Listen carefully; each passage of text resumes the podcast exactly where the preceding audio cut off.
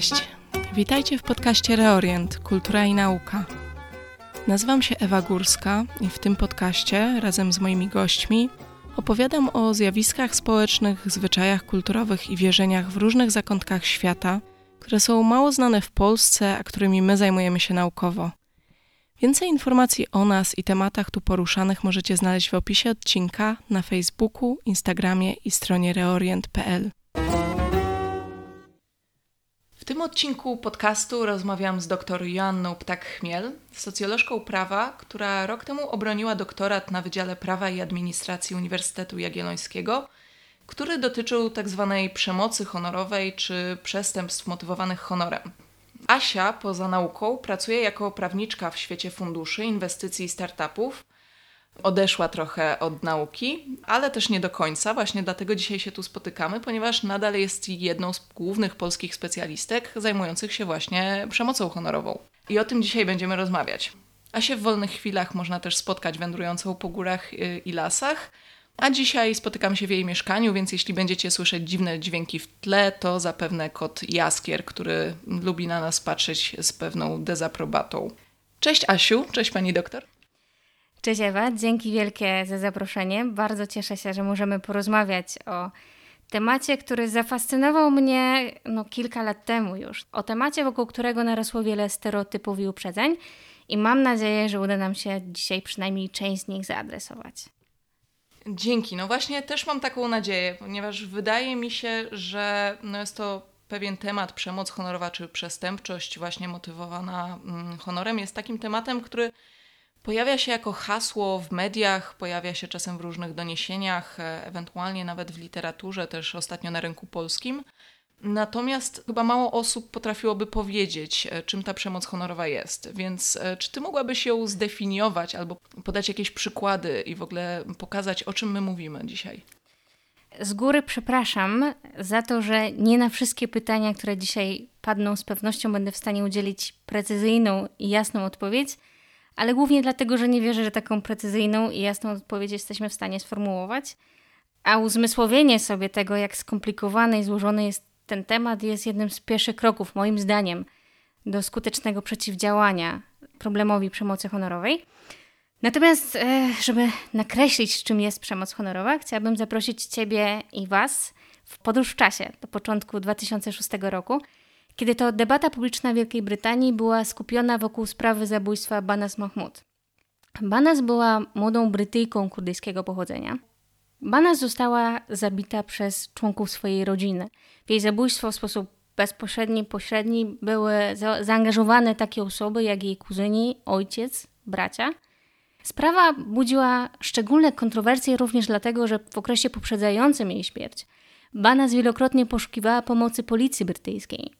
Pewnym momencie nakreślając wręcz listę osób, które mogą popełnić jej zabójstwo. Także trzeba podkreślić to, ona była bardzo świadoma sytuacji w której się znalazła i grożącego jej niebezpieczeństwa. A nie, niebezpieczeństwo to było związane z tym, że Banas odeszła od męża, który stosował wobec niej przemoc, a później związała się z człowiekiem, który nie był akceptowany przez jej rodzinę. W oczach otaczającej jej społeczności, mówimy tutaj o rodzinie, rozszerzonej rodzinie tak zwanej, to znaczy nie tylko rodzicach, rodzeństwie, ale również na przykład ciotki, wujkowie, również szerzej, jej zachowanie zostało ocenione jako hańbiące, jako przynoszące dyshonor rodzinie, czyli w oczach jej rodziny, jej społeczności, sprawcami zła nie byli ci, którzy ją zabili, tylko właśnie Banas. Banas, która dla nas jest ofiarą, natomiast w odbiorze jej czynów w oczach społeczności, to ona była sprawcą wielkiego zła, a tym złem było okrycie jej rodziny dyshonorem. E, no właśnie, i tutaj przechodzimy do tego magicznego słowa honor, które mm, obie wiemy, że jest bardzo trudne do wytłumaczenia. I pewnie teraz spróbujemy chociaż trochę to zrobić. E, no bo właśnie, Asiu, czym jest honor i czym jest honor w tej przemocy honorowej? Ha, jest to jedno z najtrudniejszych pytań, na które musiałam odpowiedzieć, czy podjąć próbę odpowiedzi w czasie swojej pracy nad rozprawą doktorską na temat przemocy honorowej. E, w sposób trochę przewrotny chciałabym przede wszystkim zachęcić Was do zastanowienia się, czym Waszym zdaniem jest honor. Czy jesteście w stanie w tym momencie podać jasną, sprecyzowaną definicję? Ale ponieważ nie widzę Was, zadam to pytanie Ewie. Ewa, czym dla Ciebie jest honor? To jest złośliwe pytanie, trochę poniżej pasa. ale no właśnie, tak naprawdę nie do końca umiem na nie odpowiedzieć, a nie jest to moja pierwsza próba. Hmm, mieszkając na Bliskim Wschodzie, tak naprawdę obserwowałam w wielu sytuacjach, jak dużą rolę przywiązuje się do tak zwanego szaraf, właśnie tłumaczonego jako honor. Jak wiele zachowań, czynów, e, zwłaszcza właśnie w kwestiach rodzinnych, ale też jakichś relacjach społecznych, jakoś jest zależnych od tego honoru. Natomiast wydaje mi się, że to jest bardzo subiektywne, mm, w jaki sposób ktoś odbiera, co jest honorem, co jest dyshonorem. Mm, I szczerze mówiąc, no ja też w pracy naukowej, na przykład zajmując się prawem zwyczajowym, arabskim prawem zwyczajowym, też tego tematu dotykałam, ponieważ no, honor nie dotyczy tylko mm, przestępstw honorowych, ale pojawia się bardzo często jako uzasadnienie stosowania prawa zwyczajowego, czy to zabójstw w zemście, czy jakichś procesów rekoncyliacyjnych między ofiarami i sprawcami, ale bardzo trudno e, jest chyba ten honor zdefiniować. I teraz, czy ty doszłaś do jakichś odpowiedzi lepszych niż ta, której ja tutaj udzielam, czyli nie udzielam? Ha, I tak i nie. E, nie dlatego, że uważam, że honor, pojęcie honoru jest na tyle subiektywne, że nie jesteśmy w stanie sformułować tak naprawdę definicji, która byłaby precyzyjna, która nie byłaby bardzo ogólna. Myślę, że jednym z pierwszych takich kroków do zrozumienia fenomenu przemocy honorowej jest zrozumienie właśnie tej złożoności i subiektywności honoru. Dlaczego? Dlatego, że w debacie publicznej na temat przemocy honorowej można było odnieść wrażenie, że pojmowano honor jako coś takiego oczywistego, tak? Czyli nie musimy definiować honoru, nie musimy się zastanawiać głębiej nad tym, czym honor jest, ponieważ każdy z nas ma pewne intuicje na temat tego, czym jest honor. Co to znaczy zachować się w sposób honorowy? Natomiast jeżeli przyjrzymy się zjawisku przemocy honorowej, to to jest pierwszy krok, pierwszy moment, w którym to się robi skomplikowane. Ponieważ jeżeli e, zastanowimy się nad honorem, nazwijmy to obecnie, bardzo często przeciwstawia się honor współczesny honorowi tradycyjnemu.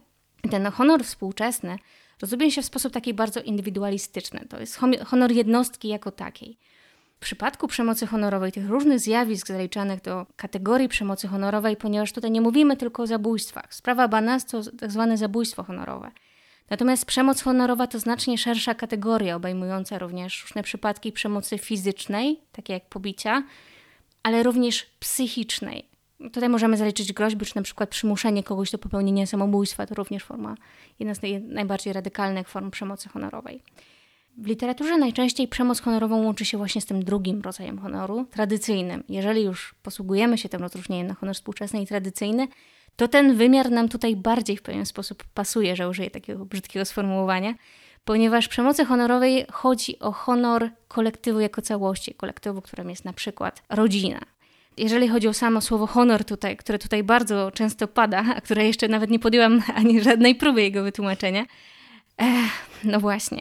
Pojęciu honoru można poświęcać długie i genialne dys dysputy, nie dochodząc przy tym do żadnej konkretnej konkluzji. O tym napisał już Cezary Beccaria i te słowa moim zdaniem absolutnie nie straciły na aktualności.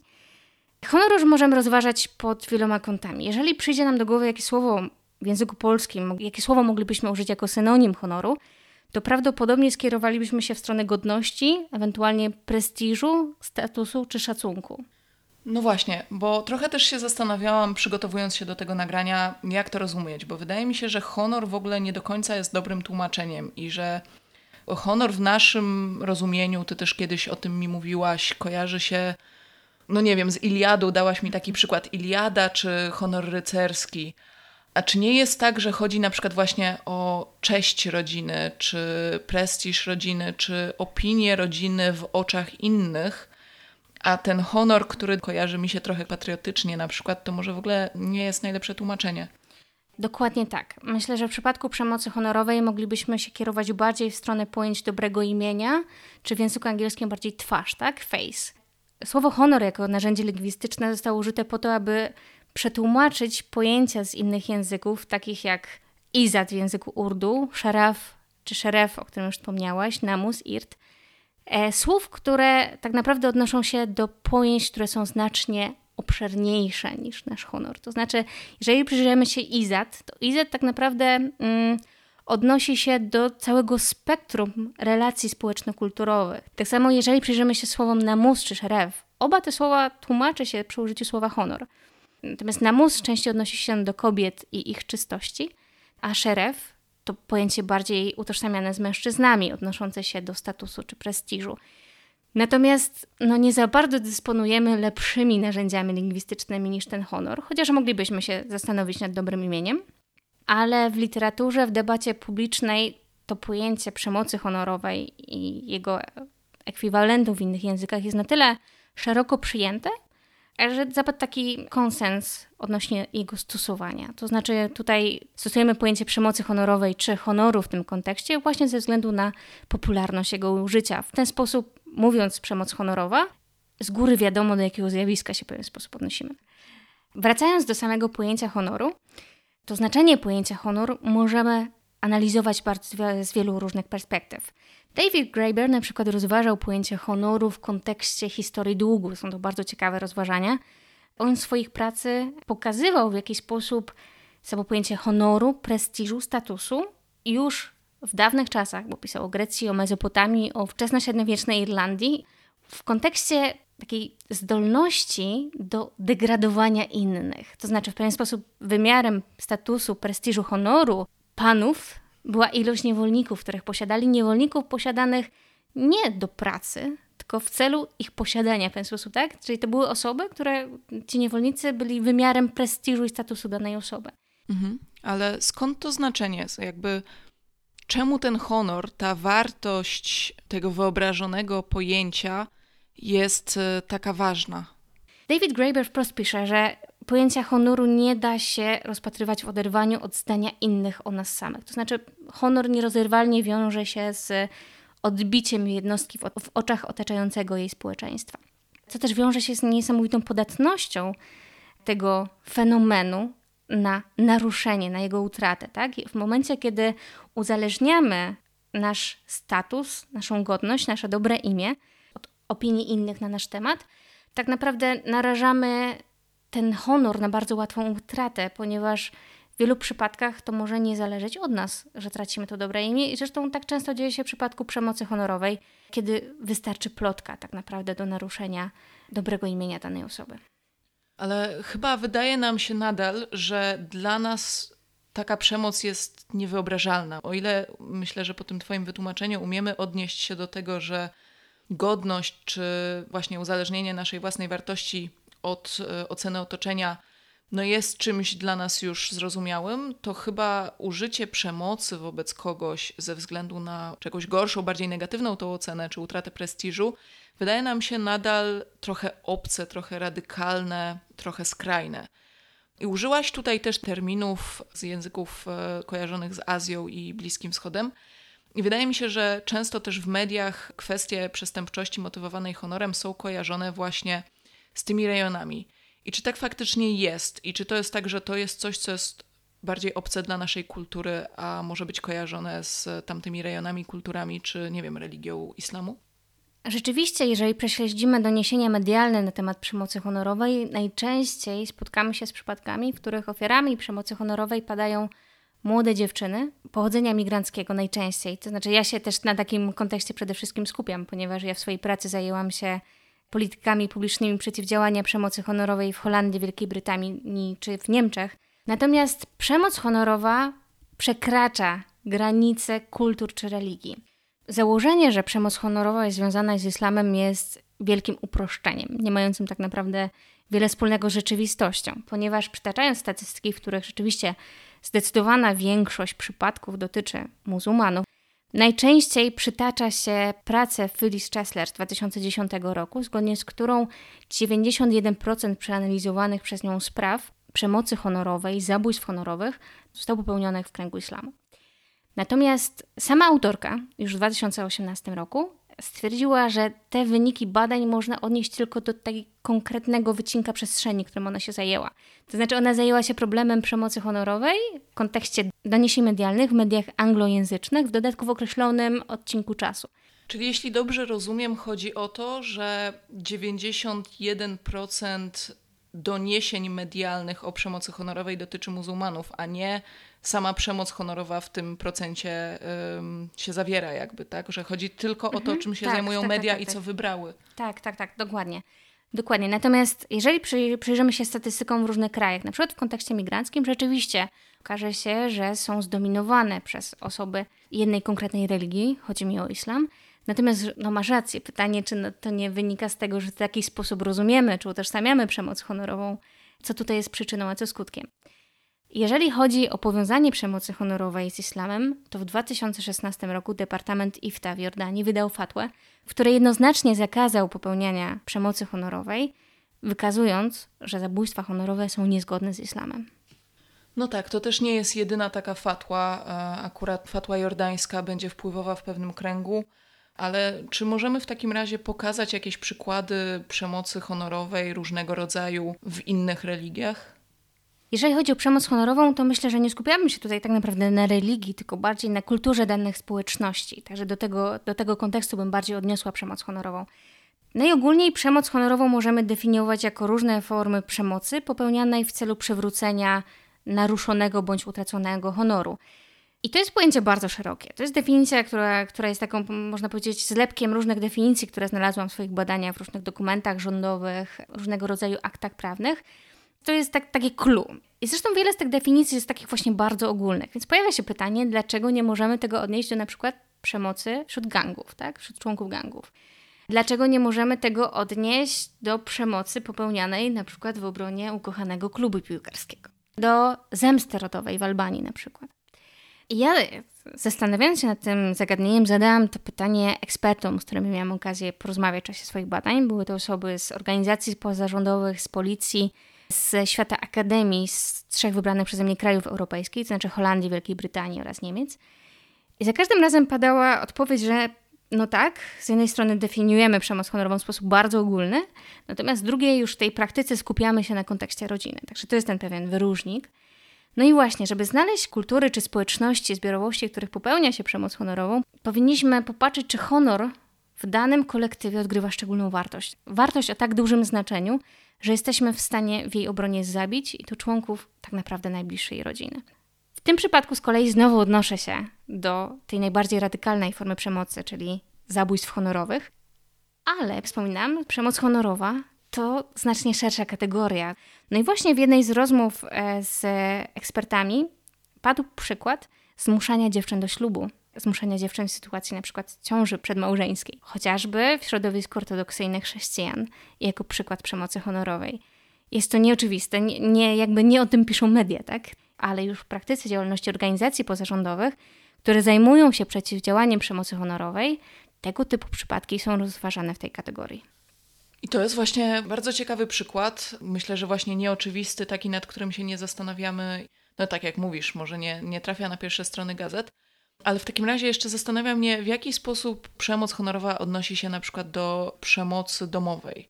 Jedna kategoria może mieścić się w drugiej, czy jest to rozróżniane jako coś zupełnie przeciwnego? I tutaj odpowiem w sposób ulubiony dla prawników, to zależy. Jeżeli przyjrzymy się polityce publicznej przeciwdziałania przemocy honorowej Wielkiej Brytanii, to tam w początkowym okresie rozwoju tej polityki, a mając na myśli, tutaj się wytłumaczę, politykę publiczną, mam na myśli w takim największym uproszczeniu działania państwa nakierunkowane na rozwiązanie tego problemu, problemu przemocy honorowej. W początkowym okresie tworzenia tych polityk publicznych problem przemocy honorowej został wpisany w infrastrukturę przeciwdziałania przemocy domowej.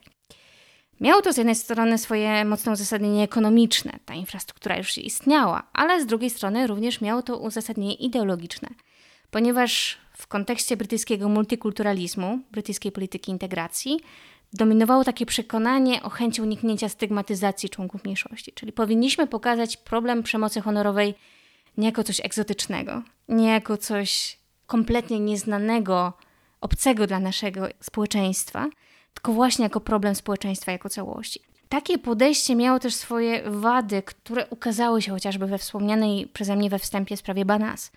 Banas zgłaszała się na policję pięciokrotnie, zanim została zabita. W analizie przeprowadzonej po zabójstwie twórcy raportu doszli do wniosku, że problemem było pominięcie czy nieskupienie się na wpływie czynników kulturowych na zagrożenie dla życia i zdrowia Banas. I takie podejście, w którym nie skupiamy się na tym zróżnicowaniu kulturowym, wpisuje się w taki pewien typ strategii przeciwdziałania przemocy honorowej, które mają na celu takie uogólnienie tego problemu, w pewien sposób włączenie go do debaty, pokazanie jako coś, co dotyczy społeczeństwa jako całości. I w tym przypadku, jeżeli tak ujmiemy przemoc honorową, będzie się ona mieściła w kategorii przemocy domowej, czy może się w niej mieścić. Natomiast w tym momencie ryzykujemy utratę tej specyfiki przemocy honorowej i całej złożoności tego problemu. Z drugiej strony, jeżeli skupimy się na różnicach, na tym zróżnicowaniu kulturowym, jesteśmy tak naprawdę o krok od tego, żeby pokazać, no właśnie, mniejszości jako tych dewiacyjnych innych, od wartościowania kultur, od ich e, hierarchizacji, od ich stygmatyzacji. Okej, okay, mamy te dwa podejścia, czyli w jednym traktujemy to jako przemoc domową i tak jak mówisz, no, grozi to zgubieniem pewnych detali czy, czy charakterystyki, a z drugiej strony stygmatyzacja mniejszości. Jeśli skupimy się na tych elementach kulturowych, no czy dobrze rozumiem, że zgubimy wtedy na przykład to, że no, młoda dziewczyna zmuszana do małżeństwa, ponieważ zaszła w ciążę, nie wiem, nastolatka, czy nawet podejrzewam, że zmuszana do aborcji, ponieważ zaszła w ciążę i rodzina uważa, że w jakiś sposób przynosi im to ujmę, czy do oddania dziecka do adopcji z tego względu, no to jeśli nie będzie pochodziła z tych mniejszości, to w ogóle też nie zostanie do tego zaliczona i nie będzie się ukazywała w statystykach. Czy są jakieś strategie, które to łączą, czy tak naprawdę zawsze mamy problem z definicją w jedną albo w drugą stronę? Analizując polityki publiczne w tych krajach, którym ja się zajęłam, e, możemy wyróżnić takie, też takie bardzo ciekawe podejście, które starało się pokazać przemoc honorową w sposób bardzo neutralny, nie tylko pod względem kultury, ale również płci ofiar. Taką definicję roboczą sformułowano w Holandii. No i pięknie, jeżeli przyjrzymy się tej definicji na poziomie teorii, na tym poziomie, jak została sformułowana, to faktycznie jest ona bardzo neutralna. Natomiast problem pojawia się, kiedy wejdziemy głębiej w statystyki policyjne odnoszące się do zabójstw honorowych czy przypadków przemocy honorowej, bo nagle się okaże, że w tych statystykach ujmuje się sprawy, wyłącznie takie sprawy, w których co najmniej jedna ze stron wywodzi się z mniejszości etnicznych.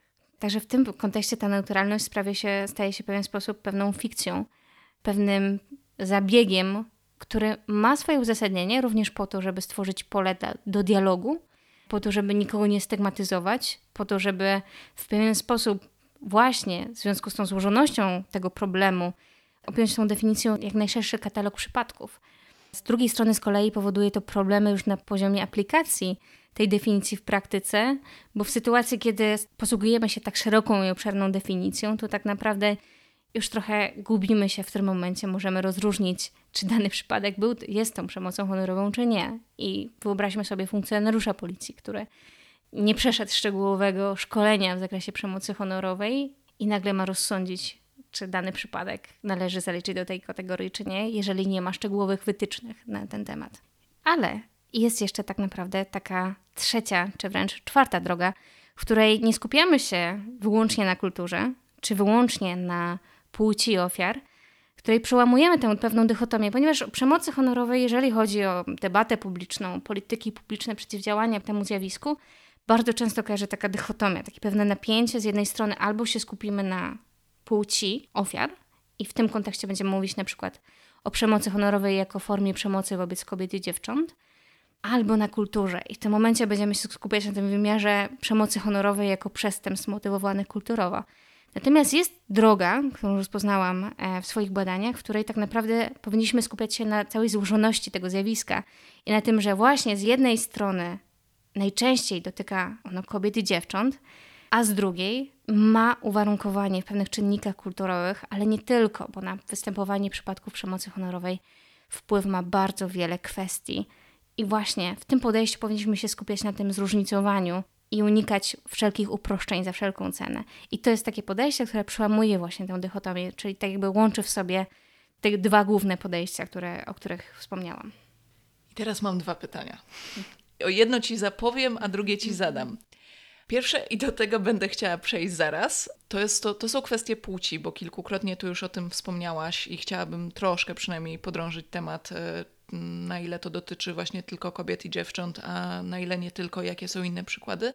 Ale to za chwilę, bo pamiętam, że ty uczestniczyłaś w warsztatach dla policji. Wspomniałaś tu przed chwilą o tym, jak bardzo policjantom w praktyce może być trudno.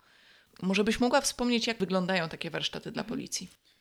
Tak, to prawda. Miałam okazję uczestniczyć w warsztatach skierowanych dla policjantów i dla nauczycieli, zorganizowanych przy okazji takiej narodowej, ogólnonarodowej konferencji zorganizowanej w Londynie przez jedną z organizacji pozarządowych zajmujących się pomocą ofiarom przemocy honorowej. Konferencja, która skupiała się właśnie na problemie przemocy honorowej, ale również przymusowych małżeństw i okaleczania żeńskich narządów płciowych, czyli to jest ten temat, który już poruszałaś e, w ramach swojego podcastu. Policjanci, ale nie tylko policjanci, bo również na przykład lekarze pierwszego kontaktu, w wielu politykach są pokazywani jako te osoby, które są niejako na pierwszej linii frontu. To właśnie od reakcji tych osób zależy tak naprawdę, czy zareagujemy i jak szybko zareagujemy na przypadki przemocy honorowej. I tego typu warsztaty mają na celu uczulenie, po pierwsze, zaznajomienie tych osób ze specyfiką przemocy honorowej, w ten sposób po to, żeby nie byli już skazani tylko i wyłącznie na to, czego mogą dowiedzieć się w mediach. Holandii w ogóle opracowano taki specjalny system czerwonych flag, tak zwany. On jest bardzo skomplikowany, który dotyczy tego z jednej strony na przykład kwestii dotyczących zachowania danej, danej potencjalnej ofiary przemocy honorowej, czy na przykład przestała pojawiać się w szkole, czy jeżeli pojawia się w szkole, to jest e, wycofana, czy nie ma widocznych śladów przemocy fizycznej na swoim ciele, a z drugiej już towarzyszą bardziej też temu kontekstowi rodziny na przykład, czy ogólnie tego wyczulenia, jakie zachowania mogą zostać odebrane jako naruszające honor rodziny, tak? Albo na używane słownictwo przez daną osobę. Jeżeli na przykład pojawią się odwołania do honoru, no to tu już możemy się w pewien sposób nakierunkować na to, że być może powinniśmy zastanowić się, czy danej osobie nie grozi przemoc honorowa. Bo to nie jest tak, że osoby, którym grozi przemoc honorowa, nie mają świadomości tego. Wręcz przeciwnie, tak wspomniałam w sprawie Banas, ona była bardzo świadoma tego, jakie niebezpieczeństwo jej grozi. Te normy powinnego zachowania są współdzielone w danej społeczności. I często te osoby działają, e, podejmują pewne działania z pełną świadomością grożącego im niebezpieczeństwa. I w takim razie, jak takie warsztaty wyglądają? W czasie takich warsztatów omawia się przypadki, omawia się potencjalne symptomy przemocy honorowej i doradza się, co można zrobić dalej, tak? Czy w jaki sposób możemy zareagować na przypadki przemocy honorowej. Bo tutaj ta reakcja się bardzo różni. Jeżeli przyjrzymy się przypadkom przemocy w rodzinie, częstą praktyką jest zwoływanie spotkań mediacyjnych między ofiarą a rodziną. Natomiast w przypadku przemocy honorowej takie rozwiązanie może tylko pogorszyć sytuację potencjalnej ofiary ponieważ, no właśnie, problemem w przypadku przemocy honorowej jest nagłośnienie tego dyshonoru, tego zhańbienia. Jeżeli dana rodzina dowie się, że to zhańbienie dotarło już do poziomu tak naprawdę osób spoza społeczności, do szerszego grona osób, to to ryzyko, w którym znajdzie się dana osoba, jest znacznie szersze. To też ważne, z kim należy się kontaktować, tak? Bo często w roli ekspertów w sprawach przemocy honorowej stawia się przywódców danej społeczności, którzy często odgrywają ogromną rolę w utrzymaniu tych pewnych patriarchalnych stosunków i w podtrzymaniu właśnie tej roli honoru danej społeczności. A być może należałoby dać głos innym osobom, na przykład organizacjom pozarządowym wywodzącym się z wewnątrz tych społeczności, którzy przeciwdziałają przemocy honorowej niejako od środka. Super. Wydaje mi się, że bardzo dochodzimy tutaj też do jakiegoś takiego sedna i tego, o co chodzi i jak przeciwdziałać. Ale no właśnie, wróćmy jeszcze do tej płci, bo trochę dookoła też tego się kręcimy, myślę, od początku odcinka i może należy y, do tego wrócić, żeby to wybrzmiało. Wspomniałeś, że ofiarami bardzo często są kobiety i dziewczyny. Jednocześnie też wspomniałeś, że nie tylko, więc jakie są inne jeszcze przykłady i przypadki i ofiary? Jeżeli się przyjrzymy rozważaniom na temat honoru, to rozróżnienie na honor w wymiarze męskim i żeńskim pojawia się wielu pracach. O tym pisał m.in. wspomniany przeze mnie David Graeber, ale również chociażby Pierre Bourdieu w swojej pracy na temat męskiej dominacji, w której skupiał się na przypadku Berberów e, w Kabyli. To rozróżnienie pojawia się również w słownictwie, o którym już też wspomniałam, czyli namus i szeref. Namus odwołujący się bardziej do czystości w kontekście kobiety, szeref do statusu i prestiżu w tym wymiarze bardziej męskim.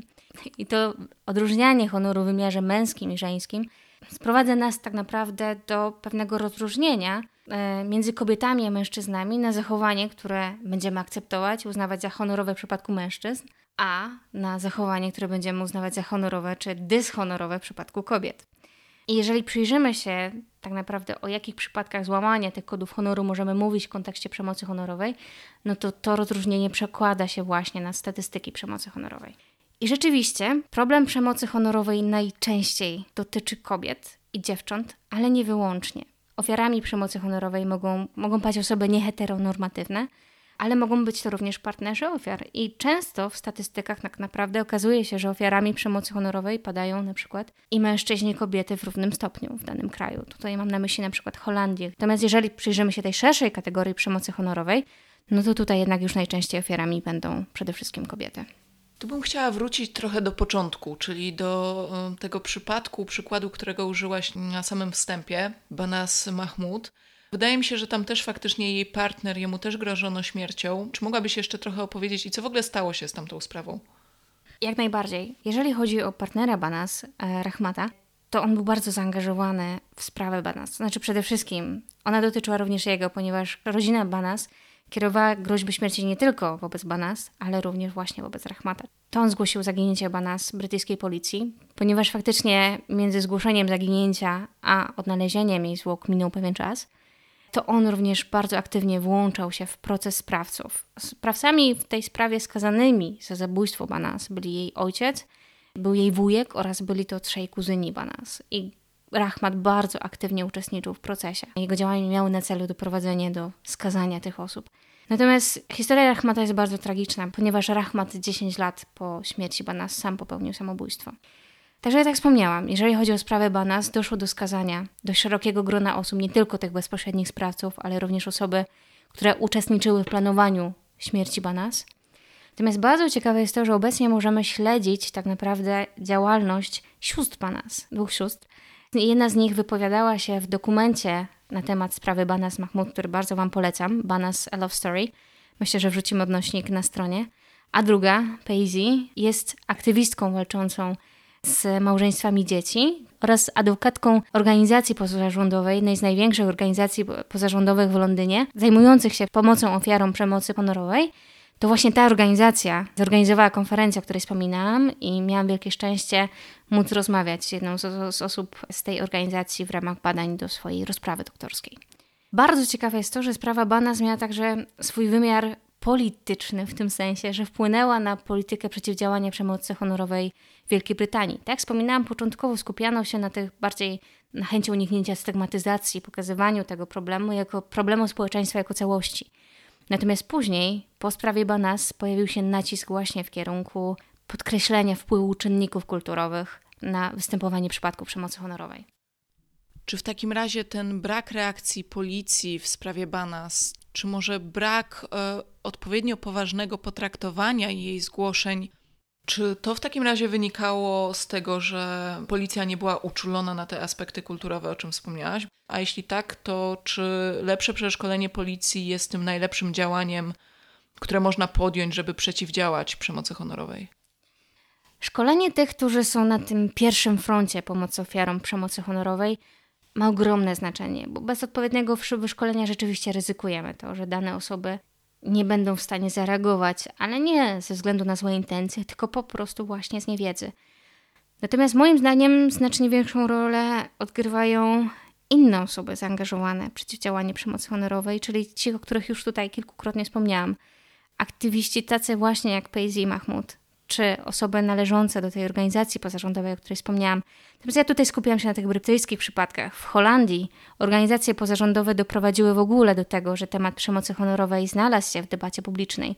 To ich działalność była kluczowa w tych pierwszych latach tworzenia polityk publicznych przeciwdziałania przemocy honorowej. Mhm. I dlaczego oni według Ciebie są bardziej skuteczni? Mają lepsze kontakty przez to, że są wewnątrz, mają lepszą wiedzę, zrozumienie tej sprawy? Problem przemocy honorowej jest na tyle złożony i skomplikowany, ale jednocześnie delikatny i dotyczy tak kruchych i zmiennych i subiektywnych spraw, że bez pomocy osób, które wywodzą się z danych społeczności, możemy mieć ogromny problem do tego, żeby rzeczywiście w odpowiedni sposób zaadresować całą złożoność danej problematyki. Ci tak zwani changemakers, czyli ci wewnętrzni agenci zmiany, nazwijmy to w ten sposób, odgrywają ogromną rolę w przeciwdziałaniu przemocy honorowej. I rolą państwa, moim zdaniem, powinno być wspieranie tych osób. Osób, które robią genialną robotę, osób, które są niesamowicie zaangażowane, osób, które faktycznie, których działania faktycznie przynoszą zmianę, ale jednocześnie osób, które zazwyczaj są niesłyszalne. I więc w tym kontekście powinniśmy dać głos tym, którzy zazwyczaj są niesłyszalni. Bo przemoc honorowa jako taka nie jest zjawiskiem dotyczącym społeczności jako całości, tak? To nie jest tak, że dla wszystkich członków danej zbiorowości ten honor odgrywa rzeczywiście tak ogromną wartość. Przemoc honorowa dotyczy mniejszości w obrębie mniejszości i faktycznie powinniśmy skupić się tak naprawdę na tych czynnikach, które tworzą warunki, które, które przyczyniają się do popełniania przemocy honorowej i nie na kulturze i całej zbiorowości, jako tym dewiacyjnym innym. No tak, ale w takim razie na co zwracać uwagę i co się do tego przyczynia? No bo mówiłaś tutaj już właśnie, że przemoc honorowa jest to zjawisko mm, w obrębie mniejszości, w ramach mniejszości, że są to jednostki, dla których ten honor jest na tyle ważny, że w jego imię są w stanie popełnić przestępstwa, czy w rozumieniu wielu członków ich społeczności czyny, które są normalnie niewybaczalne i nie mają uzasadnienia. Czy są w takim razie inne czynniki, na które zwraca się uwagę i które wpływają na to, że konkretne osoby może są bardziej podatne na to, aby, aby dokonać takich czynów? W swoim podcaście na temat okaleczania żeńskich narządów płciowych wspominała, że jednym z czynników przyczyniających się do występowania tego zjawiska jest niższy status ekonomiczny czy społeczny. I rzeczywiście w wynikach badań odnoszących się do przemocy honorowej okazuje się, że jest bardzo podobnie. Zresztą swoją drogą w niektórych krajach problem okaleczania żeńskich narządów płciowych jest bardzo często łączony z przemocą honorową, podobnie jak przymusowe małżeństwa. No i okazuje się, że faktycznie tutaj to wykluczenie może przyczyniać się do tego, że ten honor staje się szczególną wartością. W sytuacji, kiedy tak naprawdę nie możemy oprzeć swojego statusu na innych, bardziej materialnych czynnikach, odwołujemy się do honoru. Także myślę, że pierwszym krokiem do skutecznego przeciwdziałania przemocy honorowej jest zrozumienie tej złożoności całego zjawiska, gdzie no to jest niesamowicie skomplikowane. Z jednej strony mamy kulturę, z drugiej status ekonomiczny, społeczny, z trzeciej pojawia nam się jeszcze problem nierówności płci. To zjawisko jest niesłychanie złożone. I tutaj nie ma prostych odpowiedzi. I też ja nie dam dzisiaj prostej odpowiedzi, jak możemy skutecznie przeciwdziałać przemocy honorowej.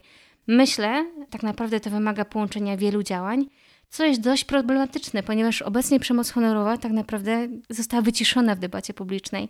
Nacisk został położony na inne zjawiska, takie chociażby jak przymusowe małżeństwa. I to ciekawe, zadałam pytanie swojemu znajomemu z Niemiec, e, jak to się stało, że w mediach o tej przemocy honorowej no nie ma już za dużo. Odpowiedział jedno, ale bardzo wiele znaczące zdanie. We got used to it.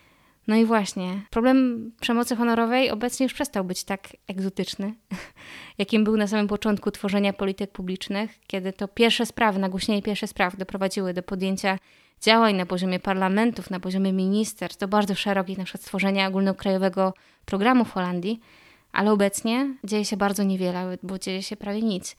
A ci aktorzy wewnętrznej zmiany zostali i działają. I to im należy się ogromny szacunek za wykonywaną przez nich pracę.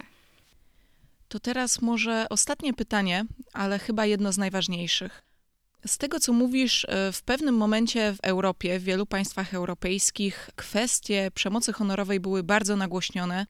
Pojawiały się w mediach, zwłaszcza w tych najbardziej radykalnych przypadkach. W wielu momentach były kojarzone przede wszystkim z mniejszościami, co mogło też prowadzić do stygmatyzacji tych mniejszości, a później czy teraz w zasadzie te kwestie trochę ucichły. I czy to jest tak, że ten problem był większy i maleje, czy był pewnym straszakiem, który był wykorzystywany i z tych migrantów e, robiono takich e, ludowych diabłów, jak to Ania nazwała w e, poprzednim odcinku podcastu? Jaką skalę w ogóle ma problem przemocy honorowej w Europie, czy, czy w ogóle, i czy jesteśmy w stanie to określić? Znowu zacytuję, e, tym razem fragment jednego z przeprowadzonych przeze mnie wywiadów eksperckich. Nobody counts, nobody knows. Nikt nie liczy, nikt nie wie. I tak rzeczywiście jest. Znaczy, jeżeli przyjrzymy się statystykom, możemy znaleźć na przykład dane ONZ z 2000 roku, według których na świecie popełnia się 5000 przypadków zabójstw honorowych rocznie. Tu nie chodzi tylko o ten kontekst migracyjny, na którym ja się bardzo mocno skupiłam w swojej pracy, ale również właśnie między innymi na przypadki zabójstw honorowych w Indiach, Pakistanie, krajach Bliskiego Wschodu. W krajach europejskich szacuje się, że to jest około kilkanaście przypadków zabójstw honorowych rocznie, znacznie więcej przypadków przemocy honorowej, jeżeli używamy tej właśnie szerszej kategorii. Natomiast z kim nie rozmawiałam, jakich źródeł nie czytałam, pojawia się takie magiczne zdanie, to faktycznie jest niedoszacowane. Jest to efektem wielu czynników. Jednym z nich na pewno jest niezrozumienie tego problemu, ponieważ pewną generalną tendencją przeanalizowanych przeze mnie krajach europejskich było koniec końców, u niektórych nastąpiło to wcześniej, u niektórych później, była decentralizacja przeciwdziałania przemocy honorowej, która doprowadziła do ogromnych różnic między regionami kraju. Zdaniem jednej z ekspertek, z którymi miałam okazję rozmawiać, te różnice dotyczą Berlinu. Jest różnica między Berlinem Wschodnim a Zachodnim. Także to nie jest tak, że o problemie przemocy honorowej obecnie nie mówi się nic albo wcale, wręcz przeciwnie. Natomiast jaka jest prawdziwa skala tego problemu? No właśnie, nie wiemy. Ona się też może różnić w zależności od tego, chociażby jaką definicję przemocy honorowej użyjemy.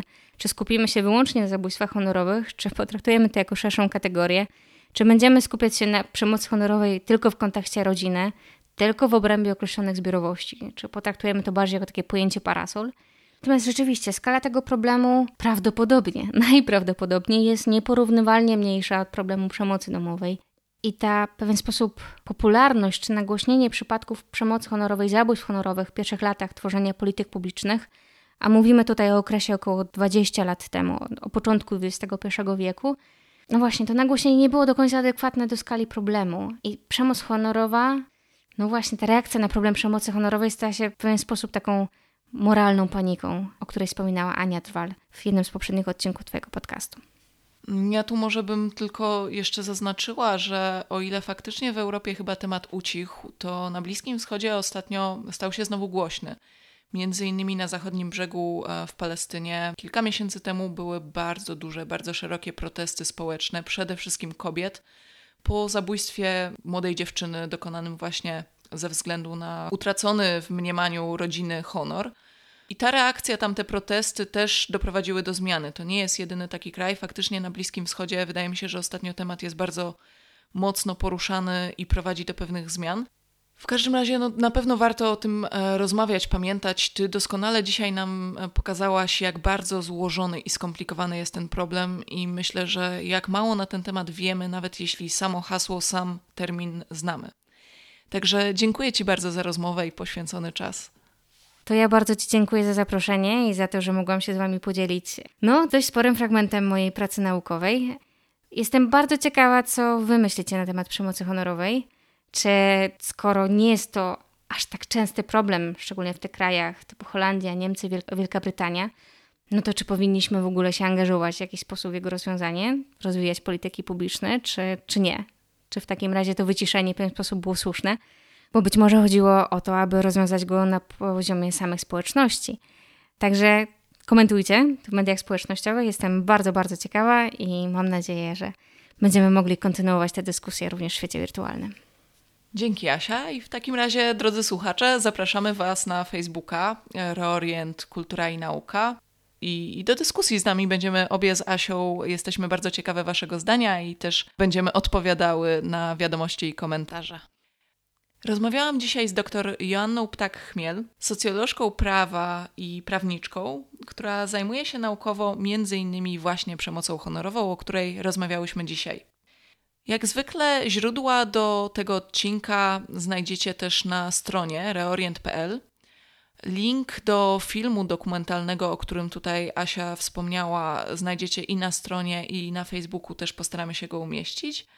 Jeśli podobał Wam się ten odcinek, no to właśnie po pierwsze zachęcamy do komentowania, a po drugie zachęcam do zalajkowania, dodania do ulubionych w aplikacji podcastowej, w której tego odcinka słuchacie i do posłuchania za tydzień kolejnego odcinka.